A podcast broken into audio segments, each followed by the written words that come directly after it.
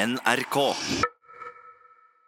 Det å tro er personlig og nært, men hvordan er det å være religiøs når de viktigste tekstene ikke er tilgjengelig på ditt eget språk? Og hvordan er det å velge religion som yrke når ens egen kulturelle bakgrunn har blitt stemplet som hedendom av kirka? Bjerna Leine Bjentje, velkommen til Tett på. Takk. Nå er du pensjonist, men da du jobba var du den eneste sørsamiske presten. Og du har oversatt liturgi til sørsamisk, og så har du blitt eh, tildelt Kongens fortjenestemedalje for din innsats for den sørsamiske befolkningen. Det er jo ikke verst. Nei, nei, nei. Det var, det var stort og fint, det. Virkelig. Og det var biskop og kommune her som hadde tatt initiativet til det, og så var det jo flere da som hadde hengt seg på og mente at det var passende bra, at jeg skulle få den påskjønnelsen. Hvis vi spoler noen tiår tilbake, hva var det som gjorde at du ønska å bli prest? Ja. ja, barndomsdrømmen det var jo å fortsette i forfedres spor og drive med reinsdrift. Men så var det særlig Erkjaka, farmor, som sa ofte kunnskap, lærdom, den er ikke tung å bære på. Så hun mente det at jeg burde få meg noen utdannelse. Så jeg starta på realskole og gikk et par år der i Meråker, og så begynte jeg på gymnaset i Stjørdal.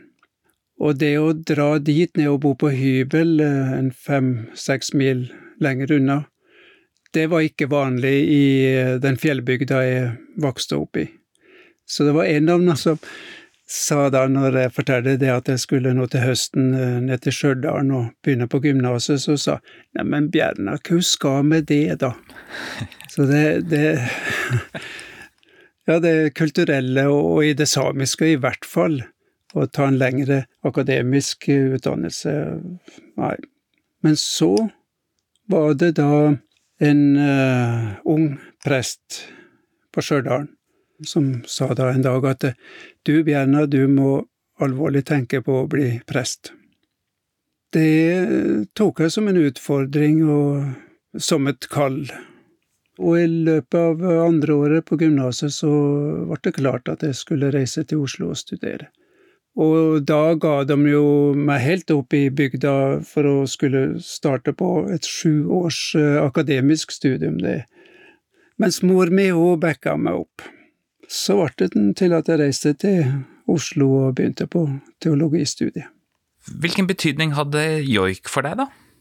Ja, vi fikk aka til å joike når det var vi barnebarna og aka for oss sjøl og ingen andre voksne til stede. Da kunne vi få aka til å, å joike dit. Så det var mitt første møte med joiken. Men jeg må jo ha på et eller annet vis skjønt at uh, vi måtte ha henne for oss sjøl, for at uh, det skulle være greit. Så ganske tidlig så har jeg fått med meg det at joiken, det, det var noe mystisk, noe rart og ikke bra med den. Og i ettertid så er jo de minnene og de situasjonene kjært og godt minne. Virkelig. Fikk du en forståelse av hvordan kirka så på joik, da? Det var jo et ikke-tema. Og det var jo når jeg da kom til Oslo og til studentmiljøet der og til studiested, så var det jo mye snakk om joiken. Og så var det jo nordfra vi hørte at folk de hadde sine klare formeninger om joik. I våre områder, i sørsamiske områder, så var det mer et ikke-tema, det ble ikke snakka så mye om det. Mens nordpå hørte vi at der var det store diskusjoner om det, og det var djevelens sang, og det, ja, og de sterke motsetningene som var, det fikk vi høre nordfra. Hvordan var det for deg å registrere den debatten nordfra, da? Med både litt undring, fordi vi hadde jo ikke den her sørpå så sterkt, og det var vel kanskje fordi joiken ikke var så levende heller, da, og eksponert og framme i det offentlige. Diskusjonene omkring joiken og det at uh, det samiske var så fraværende i kirka, det var kanskje det siste som jeg merker det har gjort mest inntrykk etter hvert på meg. Det at uh, det samiske språket, samisk tenking, det var mistenkeliggjort, og det tilhørte en forgangen tid, og det ble veldig fort snakk om hedendom, og slikt som nå det samiske folket burde forlate, og helst hadde forlatt. Jeg møtte det lite av det samiske både i kirka og i skolevesenet. En får jo inn på en sånn passiv måte at det uh, samiske ikke passer inn, at det ikke er noe verdt.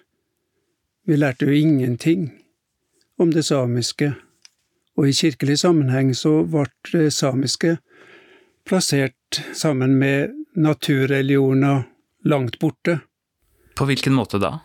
Ja, når det samiske kom fram i undervisning og sånn, så ble det jo nevnt bare som et eksempel på at her har vi jo en, en naturreligion, slik som vi kan finne det i Afrika eller hvor som helst i verden. Og det jo blir jo igjen da en plassering av det samiske langt unna, langt bort, og noe som vi ikke tar inn i norsk virkelighet, og i hvert fall ikke i norsk kirkeliv.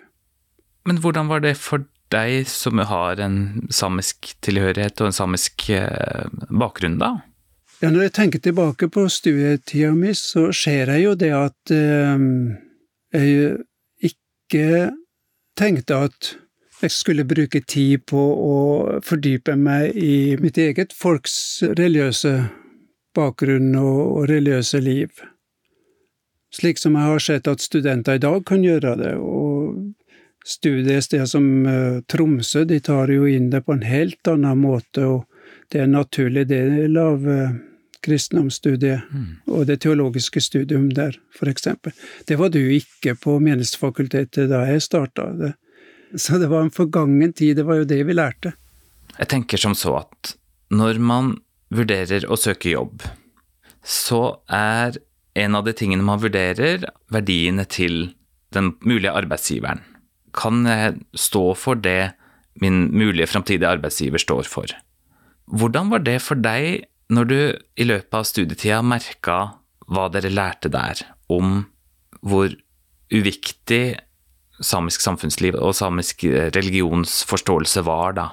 Hvordan var det for deg å gå til det skrittet og si at denne arbeidsgiveren vil jeg støtte, ved at jeg vier min tid til den? Ja. Ja, når du sier det på den måten, så, så blir det jo uh, Ja, hadde jeg fått det lagt på bordet så klart som du gjør nå, så er det ikke sikkert jeg hadde blitt eh, prest. Da er det bra vi snakker nå, at ikke vi snakka da. ja. ja, kanskje det. Men så er det jo det òg, da, med, med prestegjerningen. Det er jo å møte mennesker. Og det har jo fascinert meg hele tida, så jeg var bare ungdommen. Og prestens oppgave i møte med folk i sorg, i, i glede det var kanskje det viktigste grunnen til at jeg nå gikk inn i den uh, rollen, i den gjerningen, som prest. Men hvordan var det for deg som, som ikke kommer fra en akademisk tradisjon i utgangspunktet, å ta utdanning, og ta en lang utdanning som presteutdanninga eh, var og er, da, og registrere den stemplinga som du nå nevner. Var det sånn at du på noe tidspunkt tenkte at ok, de har jo et poeng, de har jo rett, eller stritta du imot og tenkte dette her er feil? Hvordan møtte du den informasjonen som du hadde tilgjengelig? Hmm, ja, jeg tror det er todelt. På den ene sida så var jeg vel òg kanskje lojal til den tenkinga, samtidig som hele tida så opplevde jeg at det her det kan umulig stemme. At det samiske skal være så befengt, og at mine forfedres religiøsitet alltid var knytta til djevelskap og til det vonde, og at det ikke fantes en sunn og god søken eh, imot den åndelige verden eh, hos mine forfedre. Jeg tenkte det. Mm. Den tenkinga ble jo, og følelsen ble jo bare sterkere og sterkere da, framover. Så i dag så tenker jeg nå vel det at uh, mine forfedre de hadde òg en lengsel, en søken til den usynlige verden og til uh, Gud som skaper, til skaperen av alt. Og at uh, de kunne få Eh, noe av de samme gode religiøse opplevelsene som eh, jeg kan ha ute i naturen, og der jeg nå står og tar inn det store av skaperverket og tenker at du verden, takk, skaper, at jeg får stå her, at uh, jeg har en plass i skaperverket, i systemet ditt, og henvender meg til Gud som skaper og det tror jeg at mine forfedre kunne gjøre, og at de ble fylt med andektighet og med sterke inntrykk av det her store, voldsomme, av Gud som skaper. Og de kom med sin fortvilelse og sine bønner og sine offergaver når de var i nød slik som eh, vi ser at folk gjorde i bibelsk tid i Det gamle testamentet, den er jo full av slike historier. Der kom de òg med sine offergaver når de var i nød, eller i glede, mm. slik mine forfedre gjorde. Og når jeg ser det på den måten, så kan jeg da falle mer til ro og nærme meg mitt eget folks religiøsitet og det førkristne med en undring, og likeså plukke opp det gode og ta med meg i, i mitt liv. Jeg har inntrykk av at det er en form for modning som har gjort at du har kommet dit. Ja, for det er jo å snu seg 180 grader rundt, det er jo en omvendelse. Kort og godt. Dette var en, en prosess både på det mentale og tankemessige planet og til det følelsesmessige planet.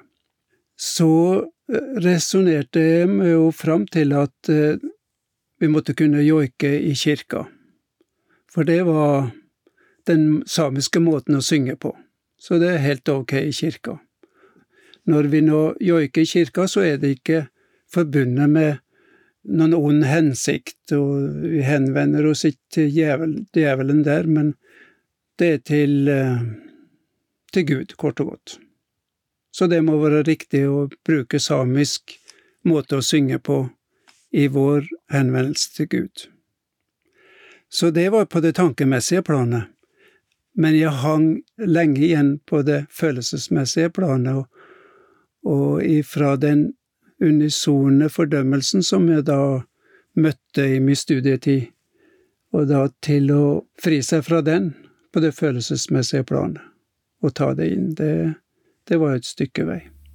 Når og hvor eh, joika du første gang i kirka, da? Det var en, under en gudstjeneste i Østersund vi hadde en arbeidsgruppe både på norsk og på svensk side som jobba med eh, sørsamisk kirkeliv, og vi hadde et fellesmøte i Østersund. Og biskopen i Hernesand, han var med oss på møtet. Og så snakka vi om da hvordan vi kan ta inn det samiske og kan gjøre det på riktig og fin måte i gudstjenestelivet. Og så så biskopen på meg, og så sa han det, du Bjerna, du joika vel i kyrkan i kveld? Jeg svara jo ikke ja, men bare dro på det.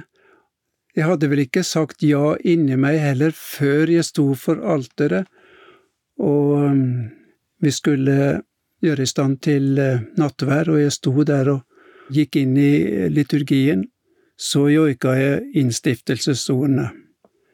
I den natta han ble forrådt, så tok han et brød, og så videre. Da joika jeg den.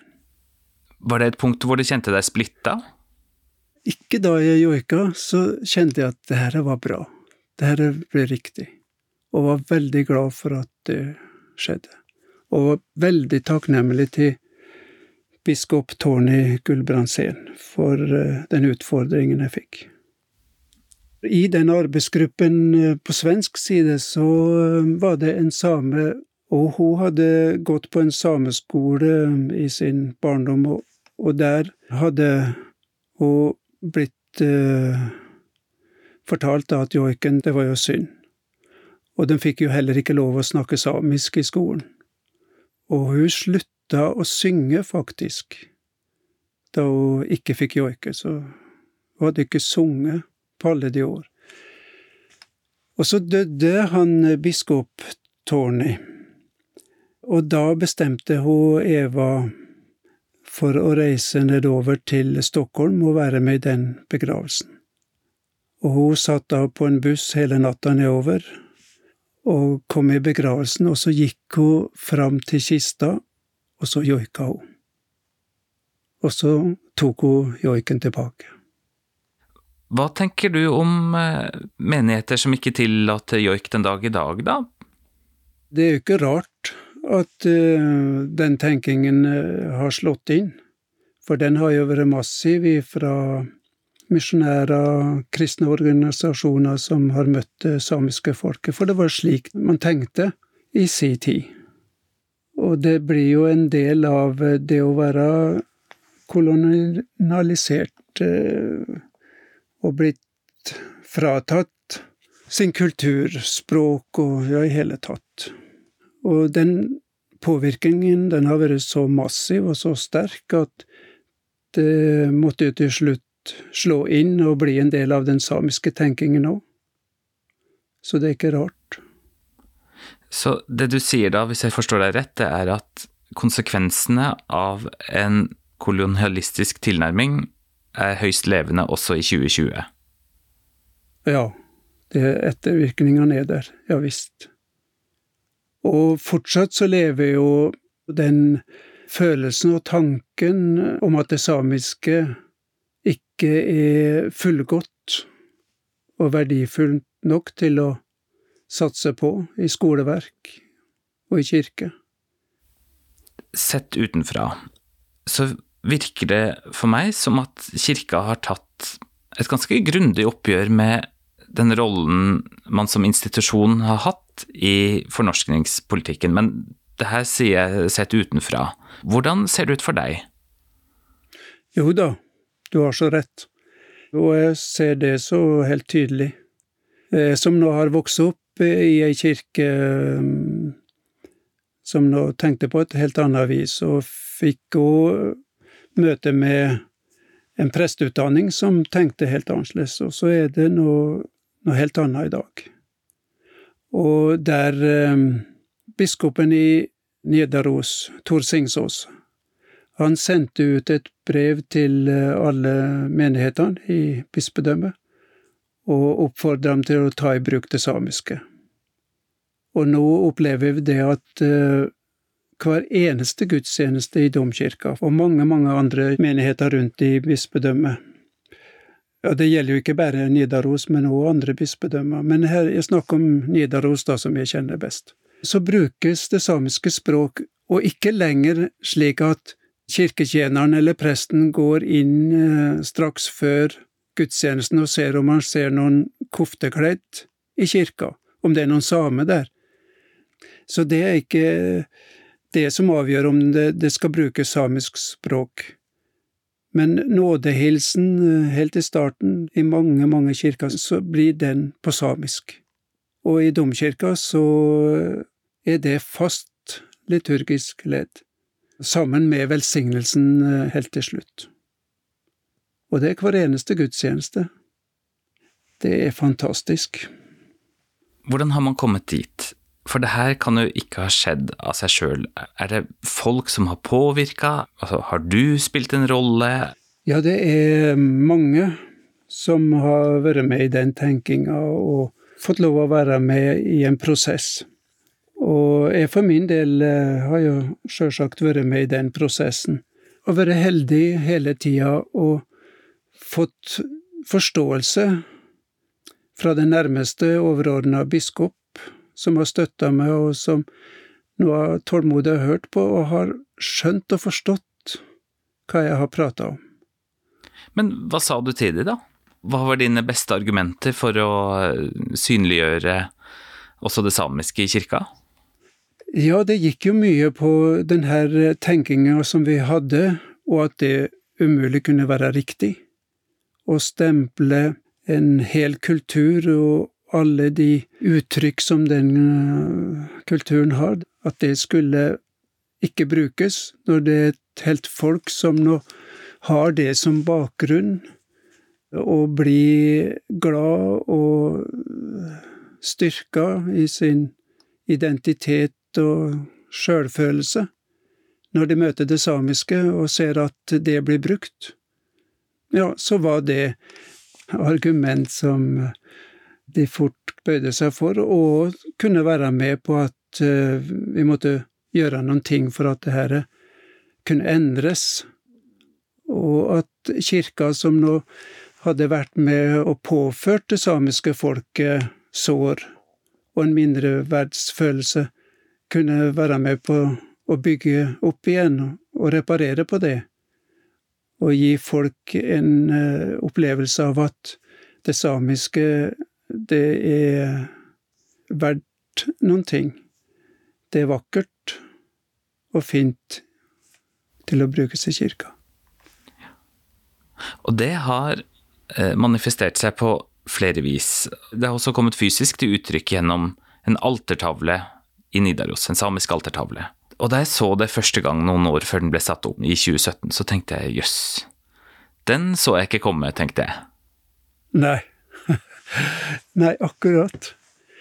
Nei, der var det jo eh, Det samiske miljøet eh, så jo at eh, det hadde vært fint, at det samiske blir synlig. Og så blir vi da møtt av miljøet rundt domkirka med det at det, dere snakker om nå, det liksom satt ved inngangsdøra, litt beskjedent plassert. Vi bør ha det her framme.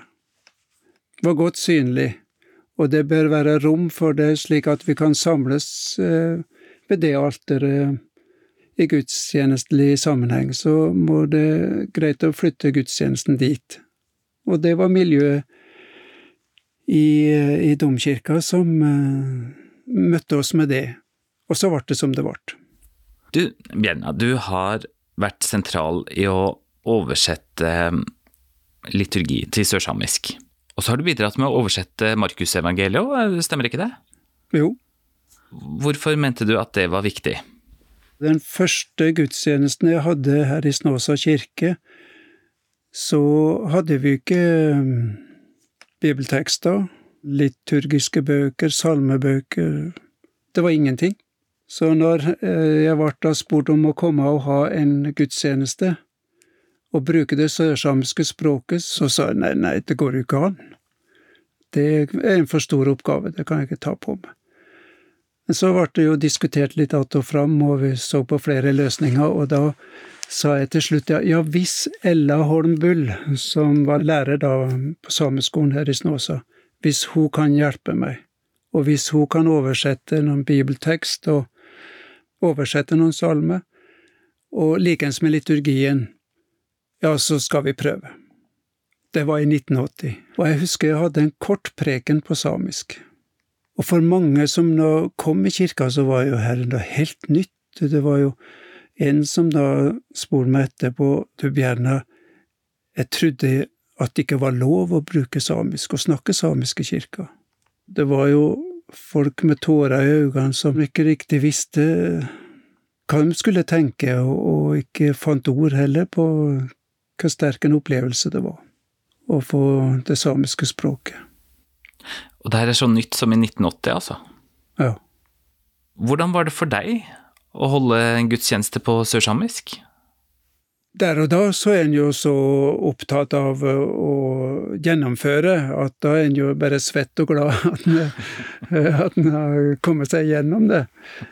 Men i ettertid så, så er det jo en glede og takknemlighet for å ha fått vært med på det. Så kan jeg fortelle om en eh, dåp vi hadde under en friluftsgudstjeneste, så løfta jeg opp eh, barnet slik jeg nå vanligvis gjør etter dåp, og presentere barnet for menigheten. Så gjorde jeg nå det. Men i stedet for bare å henvende meg til eh, menigheten, så løfta jeg opp barnet for å presentere det for den åndelige verden, for den treenige Gud. Og så tok jeg og snudde meg mot eh, fjella som vi nå satt henvendt imot, og så sa jeg det at det her er dine fjell, og så sa jeg til fjellet at her er Ovla som hører til her. Og så vendte jeg meg mot menigheten og presenterte Ola for dem. Og det å henvende meg til fjellet som om det kunne høre, på en måte, og tok inn det som en, eh, en virkelighet som vi forholder oss til, det er, det er nytt. Men det føltes veldig rett, og jeg tenker at det er rett. At vi forholder oss til skaperverket med aktelse på en helt annen måte enn det vi har gjort.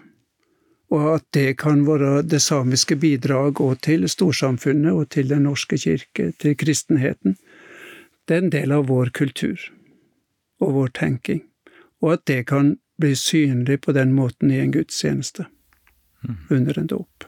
Du har jo brutt mye land, du. Du har holdt en gudstjeneste på sørsamisk, og du har joika, og du har oversatt de mest sentrale tekstene til sørsamisk, eller vært helt sentrale det. Du har fått synliggjort det samiske i Norges viktigste religiøse helligdom, hvis man kan si det sånn, altså Nidarosdomen. Eh, når vi har snakka sammen nå, så skjønner jeg bedre hvorfor du ble tildelt kongens fortjenestemedalje. Hvordan var det for deg å bli anerkjent for det arbeidet du har gjort? Det var en veldig flott, fint å få det klart. Og det forteller jo om at eh, lokalsamfunnet her i Snås og kirkeledelse er takknemlig for eh, min arbeidsinnsats, og er glad for resultatet av det. Og det, det betyr at de er glad for at det samiske er blitt synliggjort, eh, tatt fram og, og løfta opp. Så det er jo veldig, veldig godt å tenke på. Du, nå som du har blitt pensjonist, er det noen som har tatt over eh, etter deg, eller? Ja visst, det er det det. Ny prest på plass. Og ikke bare det, men eh, vi har jo den, eh, et menighetsråd for sørsamisk eh, område. Og vi har eh, et apparat der med daglig leder og et folkevalgt menighetsråd. Det er da det sørsamiske folket sjøl som velger det. Og så er det en trosopplærer på plass og en diakon på plass. Så det er jo et helt team til å fortsette arbeidet. Så du pensjonerte deg med god samvittighet, kanskje, da? Ja, jeg gjorde det. Bjerna Leine Bjentie, tusen takk for at du var med i Tett på. Sjøl takk. Ja, fint. Jeg heter Svein Lian. Tett på fra NRK Sápmi er produsert av 1 til 1 Media.